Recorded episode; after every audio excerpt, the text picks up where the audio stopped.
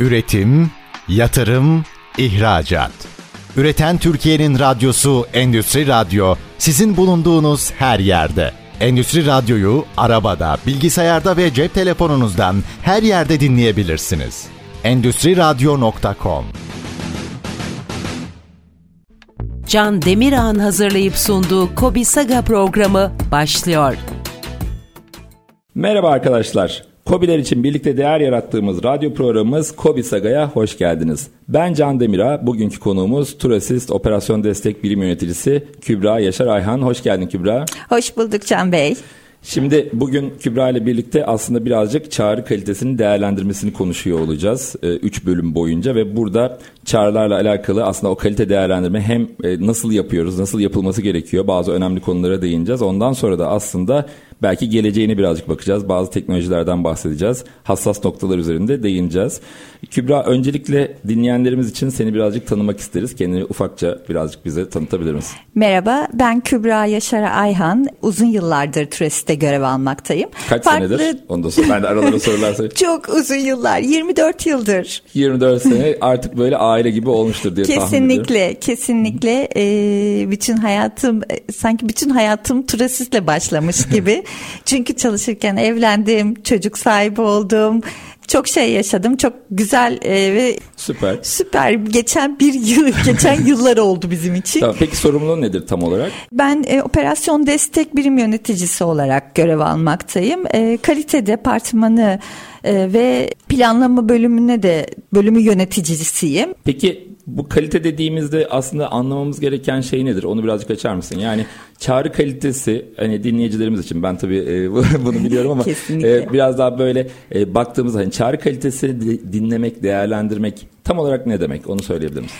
Kalite değerlendirme çağrı merkezine ulaşan aslında inbound ve outbound tüm çağrıların kurumsal standartlara uygunluğunun kalitesini değerlendirip ölçümleme biçimi. Hı hı. Bu ölçümleme biçimi e, bize başarılı hizmet vermeyi, kurumsal imajımızı belirten çağrı kalitelerini hassasiyet gösterme gibi efor ve tecrübelerinin sayısal karşılık bulduğu alanlardır. Peki e, burada sayısal karşılık derken bir notlama yapıyorsunuz o zaman. Evet. E, oradaki tüm temsilciler için bir notlama yapıyorsunuz. Peki şöyle soralım o zaman yine biraz daha bu konuyu açmak adına. Bu notlamayı yaptığımız zaman nasıl etkileri oluyor? Yani bunu yapmasak neler olurdu acaba herhangi bir çağrı merkezinde? Bunun önemi nedir bir açıdan da aslında baktığımızda? Aslında demin de bahsettiğim gibi kurumsal imajı koruma, belirtilen çağrı kalitesine hassasiyet gösterme gibi eforlar tecrübelerin sayısal karşılığı olarak karşımıza çıkıyor. Her şirketin e, muhtemelen kendi standartlarına uygun bir skorları vardır.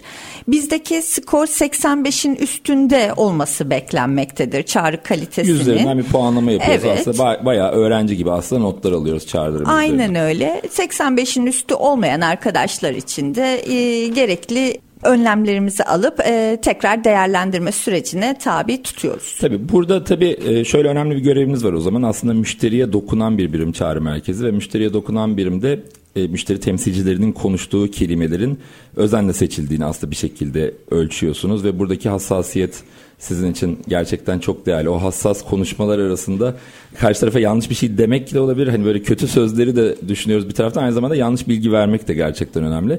Böyle değerlendirebilir miyiz? Yani bir kalite değerlendirmesi de gerçekten konuşmanın o imaj kısmını mı ölçüyoruz yoksa aynı zamanda o hatalar, gelişim alanları?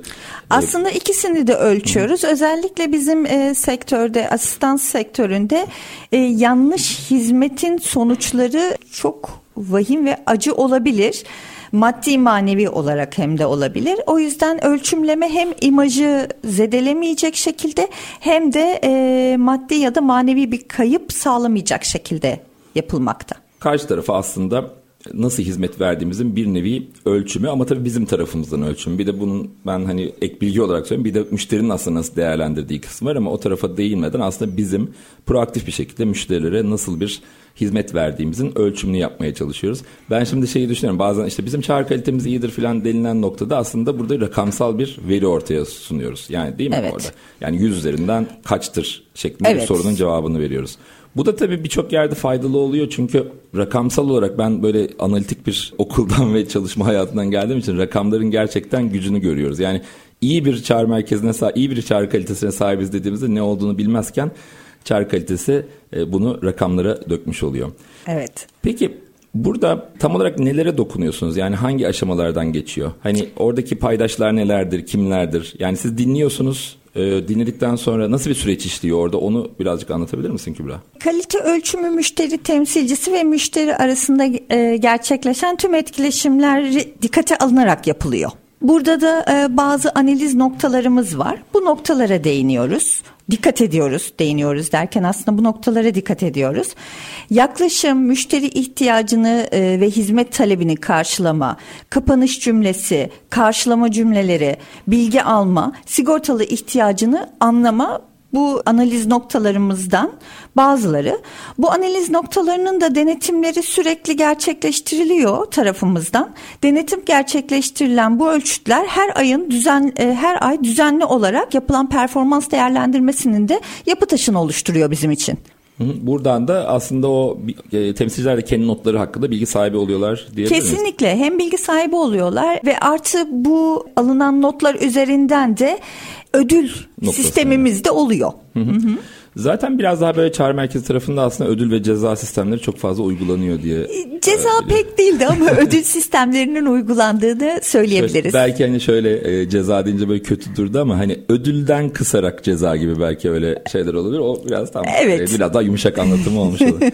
e, bu tabii yani hayatın her anında aslında gerçekten ödül ve ceza sistemleri bizi e, bir şekilde motive eden şeylerden. Kesinlikle. Yani normal bir beyaz yakalı bile hani ödül primi olmasa bile ay sonundaki maaşı bir ödül olarak değerlendirip evet, onun için evet. çalışıyoruz gibi düşünebiliriz.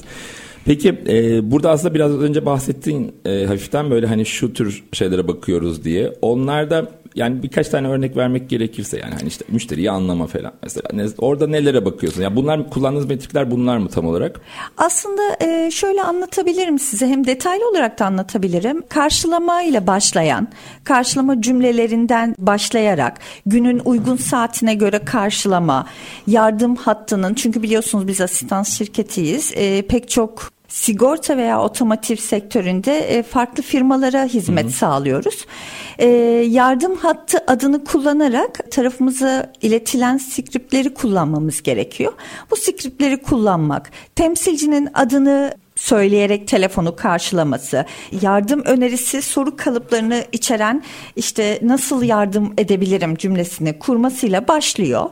Daha sonra bilgi alma e, adına doğru bilgilere ulaşabilmek için öncelikle arayan kişinin adının alınması, ona ismiyle hitap edilmesi, e, bizim kullandığımız tarz sisteminde veya harici bir alanda arama yapmak ve doğru bilgileri doğru yerlerin girilmesi Bizde özellikle plaka, poliçe numarası, acil e, yardım hizmet hattı Tabii, olduğumuz orada için bir hata yapıldığı zaman komple e, sistem yanlış çalışıyor aslında. Yani çok en önemli şeylerden bir tanesi Aynen belki öyle. doğru şeyler ama. Aynen öyle. Yardım hattı olduğumuz için ikinci alternatif numaranın alınması bile bizim için çok önemli. Sonra sigortalının ihtiyaçlarını anlama safhasına geçiyoruz. Talebi anlamaya gayret göstermesi, çağrıyı yönetebilmesi bizim tarafımızdan değerlendiriliyor. Yaklaşımı, bu yaklaşımda da profesyonelliği, iletişim becerileri, işte konuşurken ı, şey, a, e, gibi böyle ifadelerin kullanılmaması, işte bu ifadeler kullanıldığında puanlamada düşüş olması gibi. Onun dışında bu profesyonellikte de işte eğer bekleteceksek e, müşterimizi hatta bekleteceksek bunun için bekletiyorum denmesi gibi. Evet, izin alınması, neden bekletildiğinin anlatılması, beklediği için teşekkür edilmesi bizim değerlendirme yine kriterlerimiz içerisinde. Müşteri ihtiyaçlarını ve hizmet e, talebinin karşılanması da bizim için çok önemli. Hizmete hakimiyeti çağrı alan arkadaşımızın işte yine bizden örnek verirsem, turasisten örnek verirsem çekici hizmet hizmetinde kaza zaptının tutulup tutulmadığının sorulması, araçta yük var mı? Çünkü çekim esnasında yüklü araçların çekiminde sorun yaşıyoruz. Eğer yükünün olup olmadığı sorulmazsa giden çekicimizin veya hizmet birimimizin orada bekletilmesi gibi e, zaman kaybedici Hı-hı. unsurlar olabiliyor. O yüzden e, biz bunlara önem veriyoruz. Ve bunlara göre de ölçüyorsunuz aslında. Aynen bunlara göre de ölçümleme yapıyoruz. Ta ki kapanış cümlesine kadar tüm e, çağrı değerlendiriliyor. Kapanış cümlesinde de yine ek hizmetlerin sorulup sorulmadığı, hı hı. acaba konaklamaya ihtiyacı var mıydı, bir taksiye ihtiyacı var mıydı gibi hizmetlerin de e, şey, sorgulanmasına bakıyoruz. Şöyle özetleyebilir miyiz? Yani gerçekten de hangi işi yapıyorsa çünkü aynı anda farklı farklı iş ortaklarına da siz hizmet verdiğiniz için tabii her iş ortağının farklı işleri var. Her iş biriminin talepleri, evet. farklı talepleri var. Şimdi evet. o noktada gerçekten de o işin gereği olan şeyleri yapmış mı yapmamış mı diye aslında onları değerlendiriyoruz.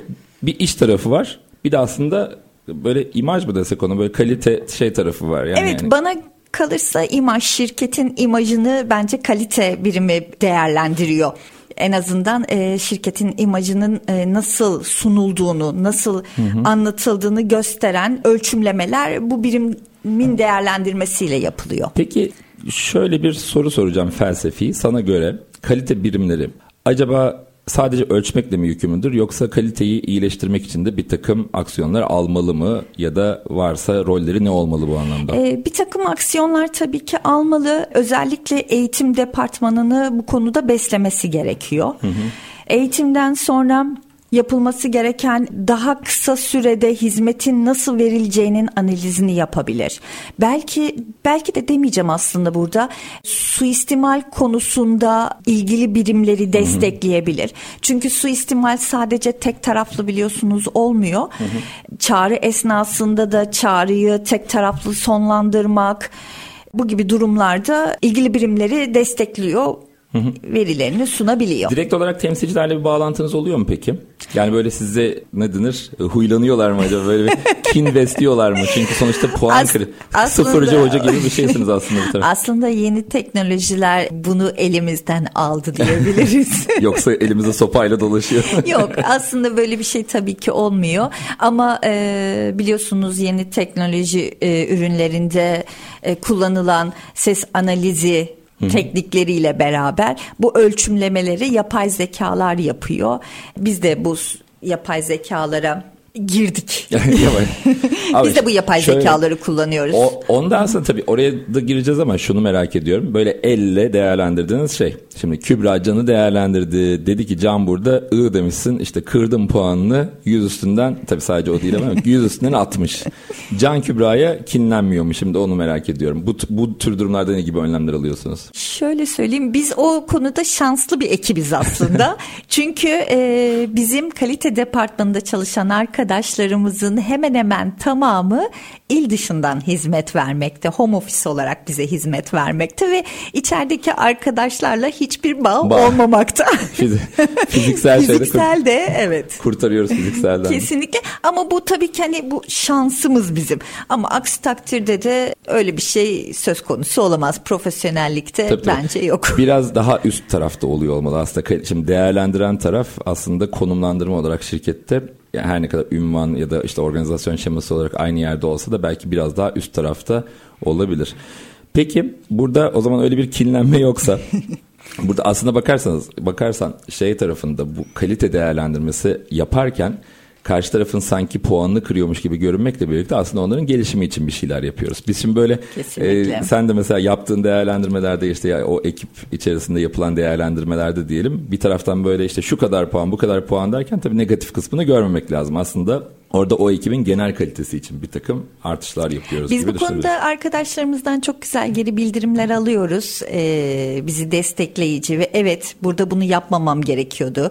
İşte evet bunu burada söylememem gerekiyordu e, gibi geri bildirimler bizim hoşumuza gidiyor. Tabii yan, bunun yanında itirazlarımız da oluyor. Birlikte e, değerlendiriyoruz ve bizim bu konuyla ilgili bir kalibrasyon ekibimiz de var. O kalibrasyon ekibiyle beraber e, son noktada mutabık tamam, kalıyoruz. Süper. O kalibrasyonu ben ayrıntılı detaylı olarak soracağım ama önce bir ara vereceğiz. Aradan sonra yeniden seninle sohbetimize devam edeceğiz.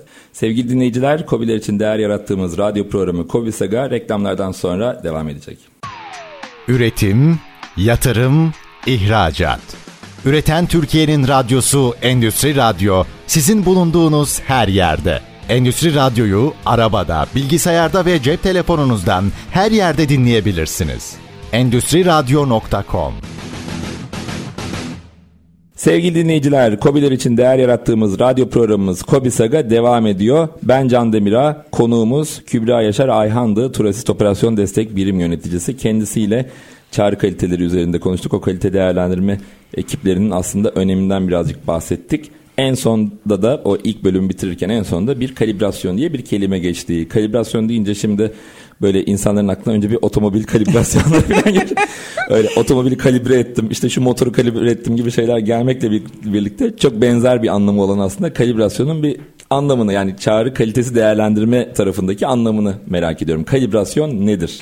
Kalibrasyon aslında bizim kalibrasyonlarımız e, ekiplerimizin yöneticileriyle beraber önce değerlendirme sonrasında aynı değerlendirme, aynı bakış açısıyla bakıp bakmadığımızı kendimizi ölçümlemek adına e, bölüm yöneticileriyle yaptığımız küçük toplantılar aslında. Hı hı. Bu toplantılar bölüm sonucunda... Bölüm yöneticisi derken dinlediğiniz kişilerin yöneticileri anlamında. Aynen öyle. E, müşteri temsilcilerimizin yöneticileri hı hı. E, ile beraber toplanarak yapılan oradan rastgele seçilen değerlendirilmiş çağrılar üzerinden gidilerek hı hı. birlikte karar verdiğimiz, aynı noktada buluşup buluşmadığımızı ölçümlediğimiz aslında bir nevi bizim de denetimimiz bu şekilde yapılıyor. Yani e, herkes aynı bakış açısıyla bakabiliyor mu?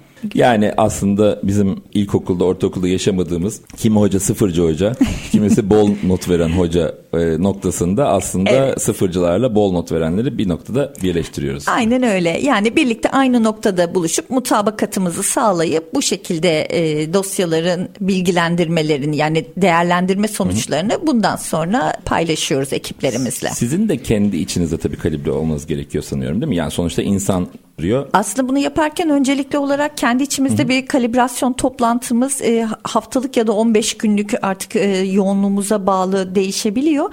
Bir toplantımız oluyor. Ondan sonraki süreçte biz bunu e, diğer birim yöneticilerimizle beraber yapıyoruz. Hatta çalıştığımız sigorta şirketlerinin yöneticileriyle beraber yaptığımız e, kalibrasyon toplantılarımız da var. Yani müşterilerimizle beraber yaptığımız toplantılarımız da oluyor. Bakış açılarımızın aynı olması hem onları hem de bizleri mutlu ediyor. Tabii. Şimdi bir takım genel geçer kurallar vardır. İşte müşteriyi tersleme, küfretme falan gibi. Onlar da hani belki kalibre olmaya gerek yok ama aslında ne kadar sıkı değerlendirdiniz, ne kadar işte gevşek tuttuğunuz gibi şeylerde bile belki kalibrasyon ihtiyacı olabilir. Asistan sektöründe aslında talep eden kişi gerçekten yardıma muhtaç olan kişi. Hı hı. Arabası kaza yapmış, arızalanmış, kötü bir yerde kalmış, belki telefonu çok kötü çekiyor, anlamakta zorlanıyor veya kapıda kalmış, içeride çocuğu olabilir.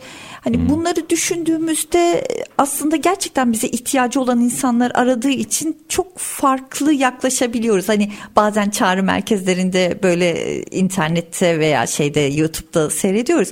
Öyle küfür, bağırma, kötü söz söyleme gibi şeyler bizde olmuyor diyebilirim size. Zaten aslında zorluk çek. Belki size karşı oluyordur da o tarafa karşı olmuyor olabilir. Peki e, aslında biraz da bunu soracaktım. Yani asistans tarafında olunca şimdi e, ne olabilir? Aslında bir çağrı merkezini arıyorsanız aslında neresi olursa olsun asistans diye de özelleştirmeyeyim. Bir çağrı merkezini arıyorsa bir talep vardır genelde. Bu bir şikayet de olabilir, bir ihtiyaç da olabilir. Belki diğer kanallardan yani online bir takım kanallardan ya da işte müşteri temsilcilerinden bir şekilde gerçekleştirilemeyen, sonuca varılamayan konular için sizi arıyorlar. İster istemez böyle belki bir stres seviyesi yüksek. Bir de sizde asistans olduğu için aslında e, biraz da işte yolda kaldım, evimde yangın çıktı, su bastı falan gibi durumlar evet. da var. Genelde bir stres seviyesi geliyor. Evet. Şimdi müşteri temsilcisinin görevi bu anlamda tabii daha zor. Karşılamak anlamında müşteriyi ama diğer taraftan kalitesini de değerlendirirken bu sizde bir hassasiyet yaratıyor mu? Yani şey olarak duygusal anlamda bilmiyorum bir etkisi var mı ama en azından hani müşterinin o durumda olması sizin kalite değerlendirmenizi diğer sektörlere göre değiştirebilir mi acaba? Ee, biz genelde aynı standartlara uygun e, hizmet veriyoruz. Genelde demeyeyim standartlarımıza uygun hizmet veriyoruz. Bu bizi duygusal anlamda pek değiştirmiyor. Yani bizden arıza durumunda cevap bekleyen, hizmet bekleyen müşterimizle dışarıda kalmış müşterimiz de aynı hassasiyetle yaklaşıyoruz. Asistans sektöründe çağrı kriterleri ile diğer asistans e, sektörünün hizmet kriterleri aslında aynı değil hı hı. bakıldığında. Değerlendirme de aslında aynı yapılmıyor. Asistans dışındaki çağrı merkezlerinde hizmet ve talebin eşleşmesi de eşleşmesi değerlendirilirken asistans hizmetlerinde ihtiyacın oluştuğu andan itibaren hizmet başlıyor. Ve aslında biz bunu yaparken zamanla yarışıyoruz. Tabii. Bu yönlü bu hassasiyette değerlendirmelerimizi yapıyoruz. Tabii yani bir mesela operatörü aradığımızda işte fatura ile ilgili bir şey varsa aslında genelde vaktimiz var ay sonuna kadar ya da işte fatura kesme tarihine kadar ama burada şeyden bahsediyorum. Mesela yolda kalmış belki evet. en çok aldığınız çağrılardan bir tanesi yolda kalmış bir e, sizi arayan bir müşterinin ne kadar uzun süre yolda kalacağı, ne kadar sürede çekiciye ulaşacağı gibi durumlarda oradaki konuşmanın da hassasiyetini ben çok iyi e, düşünüyor yani orada tahmin edebiliyorum. E, dinledim de hatta o çağrılardan gerçekten çok önemli. Burada siz uzattıkça konuyu belki karşı taraf e, o konuda stres seviyesi yükselebilir. Tabii şey gibi durumlar da olabilir. Ben böyle o filmlerde gördüğüm sahneler sadece filmlerde değil işte çocuğu arabada kalmış arabaya giremiyor. Evet gibi. benim başıma böyle geldi bir şey mi? geldi. 2000'li yılların başlarında bir otomotiv e, şirketine hizmet veriyorduk. Müşteri bizi aradı. İçeride çocuğum var hava çok sıcak diyor ama ben şunu söyleyemiyorum kır camı çıkart söyleyemedim. Hemen sizi e, yol kenarı yardım ekibimizle görüştürüyorum. Anahtar içeride kalmış. Hemen yol kenarı yardım ekibiyle görüştürdüm ama içimde bir yangın oluştu böyle kır camı git demek için. Maalesef bunları yapamıyoruz. Tabii. E, yani hani o kısmı artık kendi inisiyatiflerinde sanıyorum yapabilirler onları eğer çok kötü bir duruma ee, geçerse. İlgili kişi söylerse çok Tabii. daha doğru olur. Bizlerin yani bu şimdi verdiğim bir örnekte ama işte alttan su damlıyor. Kaloriferdendir diyemeyiz. Yapamayız bunu. Belki değildir. Evet. O yüzden bu yani bir tabir olacak ama bu toplara girmiyoruz. Bu toplara doğru söylüyorsun. Şimdi peki e, burada asistans tarafına da hani konuştuk. Peki şu anda mevcut durumda böyle hani gelecekte gelecek ya da önümüze gelecek teknolojilerden bahsetmiyorum ama şu anda kullandığınız bazı teknolojiler var mı? Yoksa sadece böyle manuel bir şekilde hani dinle yaz dinle yaz şeklinde mi ilerliyoruz? Neler yapıyoruz? Hem değerlendirmede hem de belki müşteriyle konuşurken aslında. Evet e, sektörde hatırı büyük olan bir firma ile çalışıyoruz bununla Hı-hı. ilgili. Çağrı kalitesini değerlendirmek için yapay zeka kullanımı, e, ses analizi, konuşma tanımı, duygusal analiz gibi teknolojiler ile gerçekleştiriyoruz biz de. Yapay zeka çağrı merkezi e, konuşmalarını otomatik olarak izleyerek müşteri temsilcilerinin performansını değerlendiriyor. Manuel yapılan değerlendirme sayısından daha fazla değerlendirme yaptığı için ölçümleme ve e, doğru veriye daha çabuk varabiliyoruz. Yani aslında atıyorum bin tane çağrı varsa siz işte on tanesini dinleyebiliyorsanız böyle toplu e, programlarla yapay zeka ve işte evet, toplu değerlendirmelerle yüzde yüzünü, yüzde yüzünü değerlendirebiliyoruz ve peki, doğru verilerle. Peki ben şeyi soracağım. Bu yapay zeka, şimdi ben bu soruya farklı bir cevabım var ama size soracağım aynı zamanda. bu yapay zeka sizleri işinizden edecek mi? Önce bir onu soralım. Ee, evet. Hayır her zaman e, insan gücüne ihtiyacımız var. E, iyileştirmeler teknolojik yönde olduğu sürece doğru veriler evet alınıyor. Hı hı. Daha fazla veriye kavuşulabiliyor.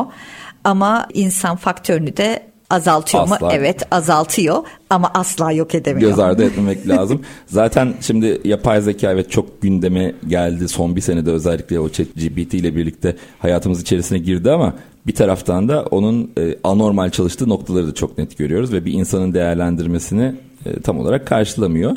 Ama karşılayacak da bir süre sonra. Yani onu da göreceğiz. Belki bizlerden sonra. Bizler ümidimiz diye böyle.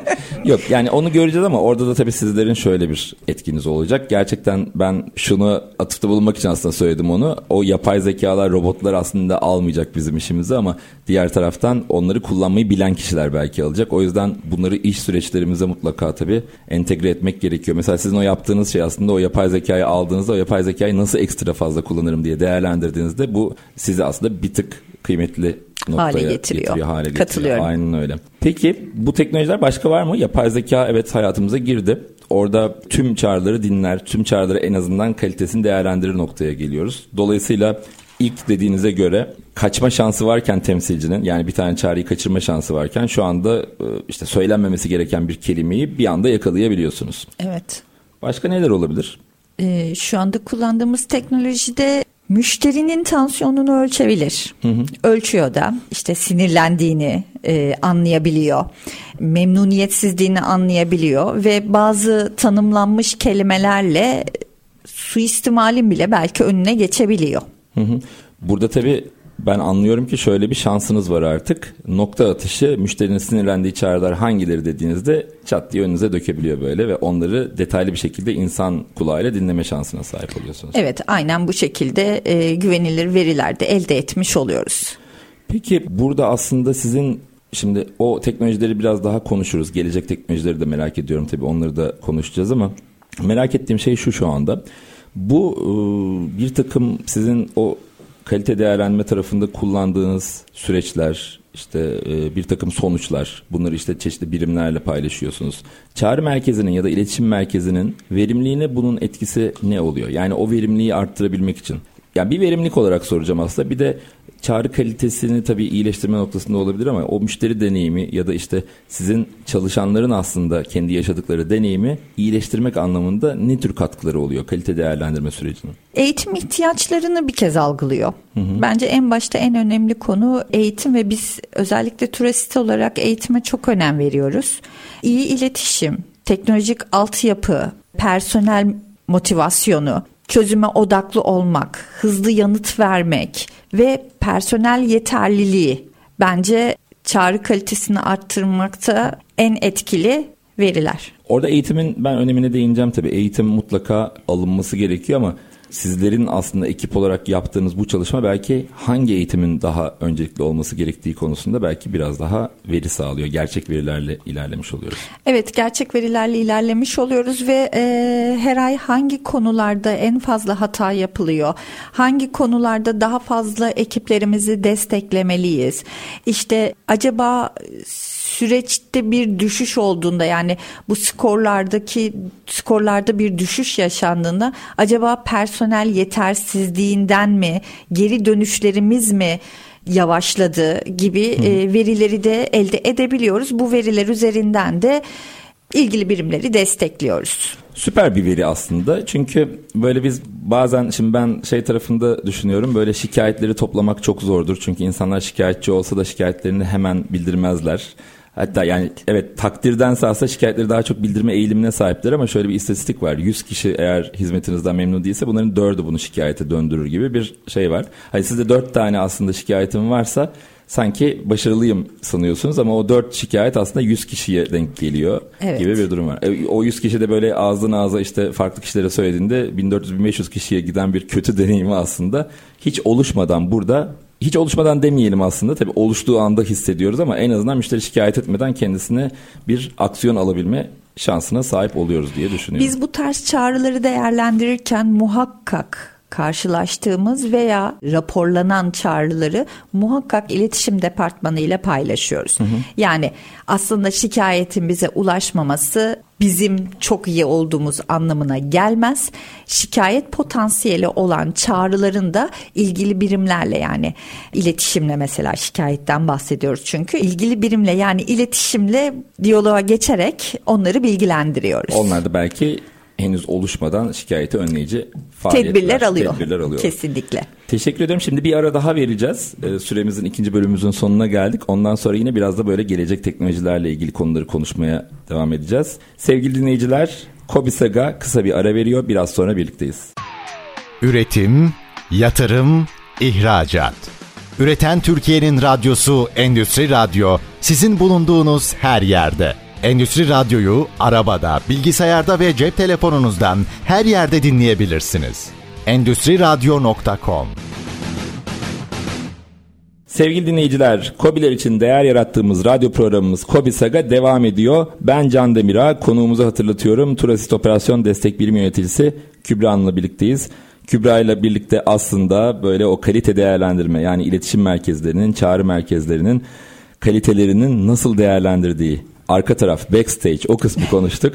neler neler yapıyor görünmeyen kahramanlar. Onlar da aslında o sizle konuşan iletişim merkezi çalışanlarının temsilcilerinin konuşmalarının daha iyi olabilmesi için bir emek sarf ediyorlar. Bundan bahsettik. Bu emeği tabii önce konuştuk. Nasıl oluyor? Asistans tarafında nasıl oluyor? Ondan birazcık bahsettik.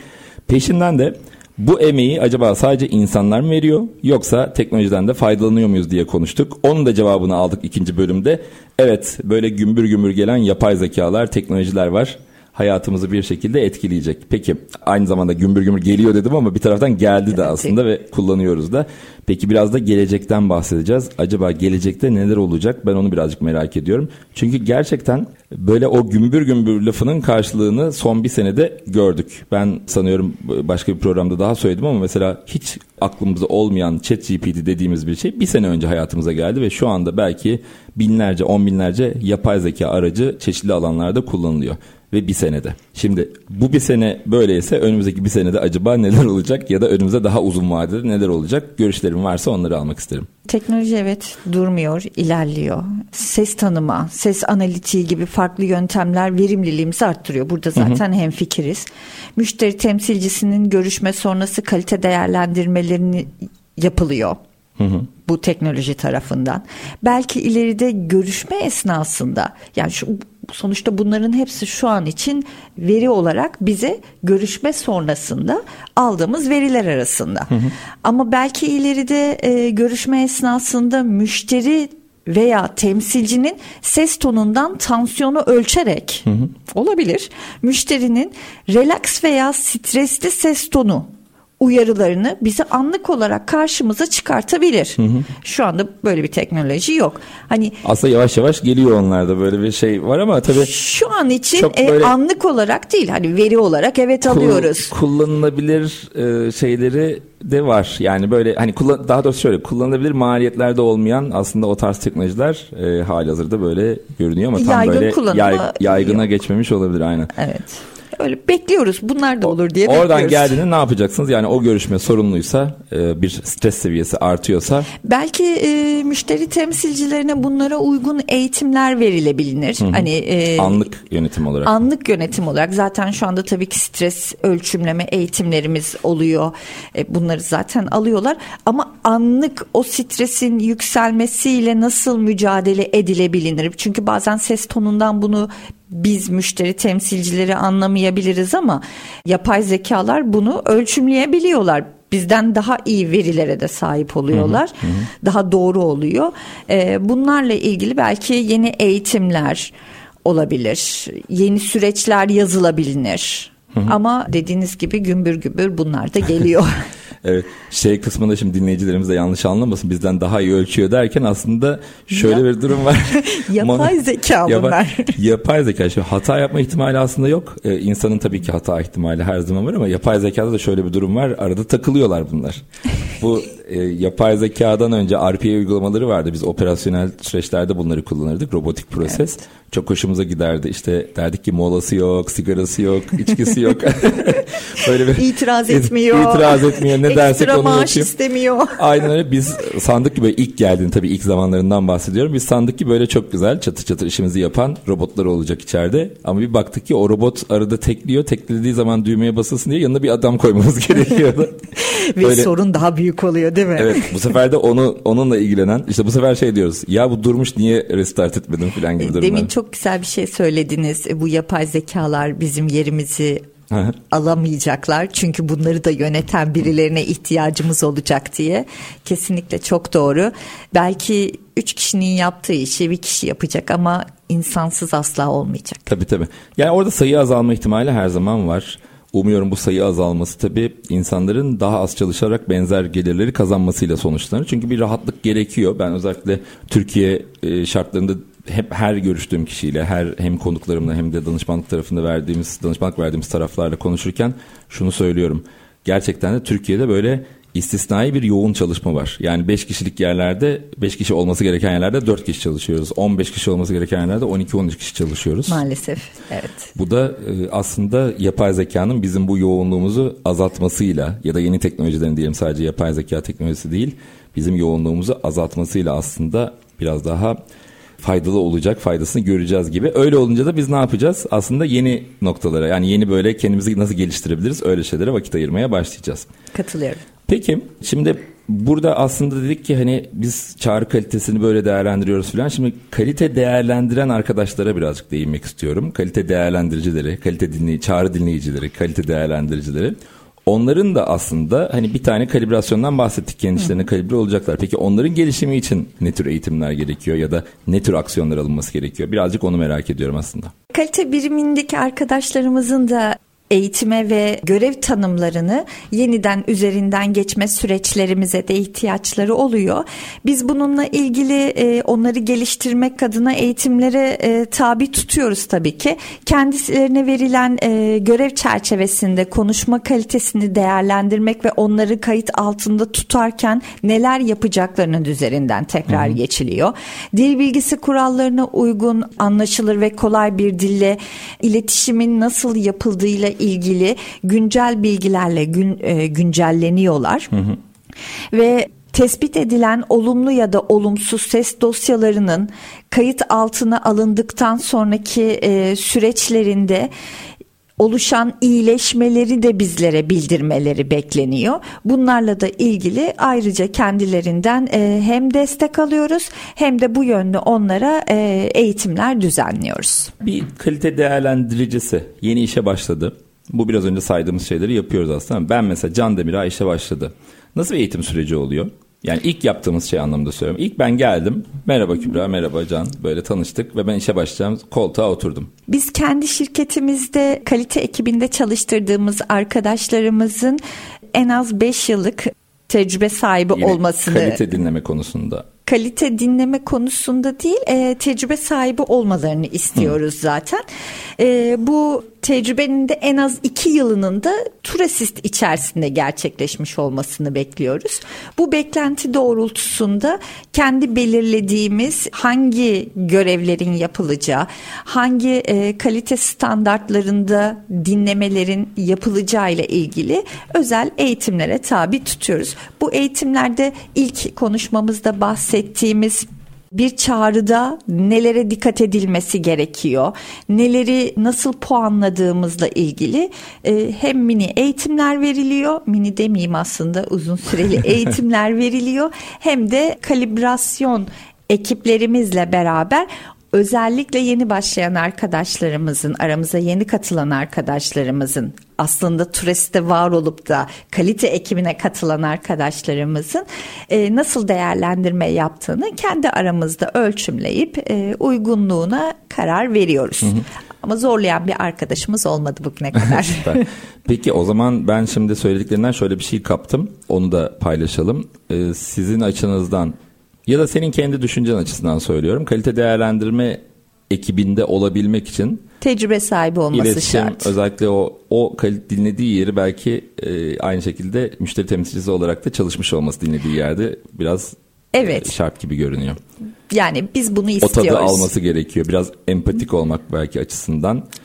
E, bence çağrı merkezinde çalışanların yani özellikle ara birim yöneticilerinin hı hı. o çağrıyı o kulaklığı kulağına takması gerekiyor. Hı. Öyle söyleyeyim. Yani o e, hizmeti verirken alacağı hazzı duyması gerekiyor. Yardım etmenin ne kadar güzel bir şey olduğunu hissetmesi ve ona ihtiyacı olan insanların yanında telefondan yanında olduğunu hissettirmesi çok önemli. O tadı alacak ki e, o tada göre uygun bir şekilde aslında çareyi değerlendirecek.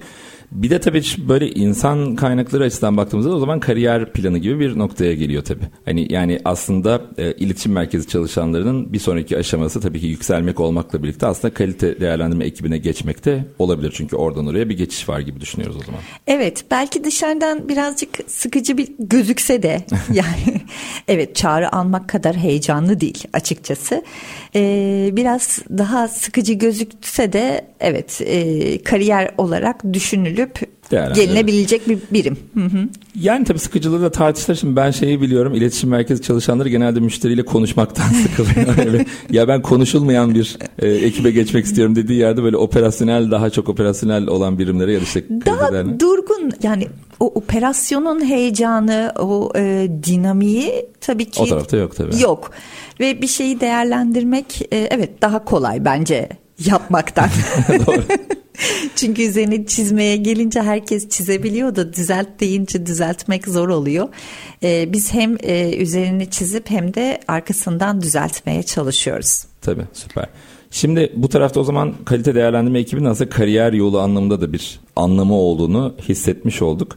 Ve e, burada tabii acaba şeyi düşünüyorum şimdi biraz daha teknoloji kısmında o teknolojilerde hani bahsettiğimiz yapay zeka işte değerlendirme teknolojileri acaba çağrının kalitesini değerlendirme konusunda bize özel yöntemler sunabilir mi acaba diye de merak ediyorum. Yani böyle özel e, vakaların incelenmesi gibi şeyler yapıyor musunuz? Hani diyelim ki işte müşterinin sinirlendiği çağrılarda acaba işte durum nedir diye böyle hani sadece işte 10 tane çağrı dinleyeceğim 20 tane çağrı dinleyeceğim gibi değil de biraz daha odaklanacak şekilde e, bir e, faydası oluyor mu? Faydası kesinlikle oluyor. Diğer e, birimleri besleme adına evet faydası oluyor. E, biz bu tarz çağrıları daha önce de söylediğim gibi bu tarz çağrıları ilgili birimlerle paylaşıp hı hı. hani uzmanlık alanı işte şikayetse iletişim birimiyle paylaşıyoruz. Eğer suistimalle ilgili bir şey sezinlendiyse bunu suistimal birimimizle paylaşıyoruz. Ee, ya da fiyatla ilgili olabilir. Fiyatla ilgili yanlış bir ölçümleme, yanlış bir bilgilendirme yapıldıysa bunu da yine ilgili birimle paylaşıp aslında diğer birimleri besliyoruz bu konuda. Hı hı. Belki işe alımda bile farklı yöntemler uygulanması gerektiğini ortaya koyuyorsunuz aslında farkında olmadan. Yani hem ürünle alakalı bazı şeyleri ortaya koyuyorsunuz hem işte verilmesi gereken eğitimlerle alakalı bazı şeyleri öne, öne sürüyorsunuz hı hı. ve e, işte doğru kişiler belki sürekli yapılan bir hata varsa o kişilerin aslında işe alınırken farklı şeylere dikkat edilmesi gerektiği gibi şeyler bile ortaya çıkıyor diye anlıyorum. Kesinlikle katılıyorum size. Şimdi artık yavaş yavaş süremizin sonuna geliyoruz. Gerçekten böyle su gibi geçti bence. Çok güzel. Son bir şey soracağım. Aslında son olarak böyle bu konularda söylemek istediğin dinleyicilerimize bir notun var mı diye sormak istiyorum. Nelere dikkat edilmeli, ne paylaşmak istersin, neler var bizi neler bekliyor. Artık ne söylemek istersen son bir sözün var mı diye Evet var. Ee, yapılan araştırmalara göre yüzde beş müşteri ihtiyaçlarının karşılanmasının yeterli olduğunu, nasıl davranıldığının da öneminin olmadığını söylerken %35 müşteri de ihtiyaçlarının karşılanırken bana nazik davranılmasına önem veririm demiş. Hı hı. %60'lık ee, bir e, kesim ise ihtiyacın karşılanırken karşı tarafın bana değer verdiğini hissetmem çok önemlidir ve bütün farkı da burada yaratır demiş. Hı hı. Fark yaratılması gerekli. Çağrı süresince bu hiç unutulmamalı bence. Tamam. Yani gerçekten bir iş gibi bir operasyonel bir şey gibi değil de gerçekten karşı tarafa yardım ediyoruz gibi hissettiğimiz anda o yardım konulu iletişim merkezi çalışanları aslında bir üst kademeye geçecek diyebiliriz. Katılıyorum size. Süper. Çok keyifli bir sohbetti. Çok çok teşekkür ediyorum Kübra. Umarım gerçekten dinleyen kişiler için faydalı bir şeyler sunabilmişizdir. Umarım. Ben de çok teşekkür ederim. Çok keyifli bir söyleşiydi Can Bey. Ee, en kısa zamanda tekrarını istiyorum. Umarım gerçekten. çok teşekkürler. Sevgili dinleyiciler, COBİ'ler için değer yarattığımız radyo programımız COBİ Saga'da bugün konuğumuz Turesist Operasyon Destek Birim Yöneticisi Kübra Yaşar Ayhan'dı. Gerçekten keyifli bir sohbet yaptık. Kalite değerlendirme ekiplerinin bugününü ve yarını konuştuk. Önemini konuştuk. Önümüzdeki hafta yeni konuklar ve yeni konularla karşınızda olacağım. Görüşmek üzere.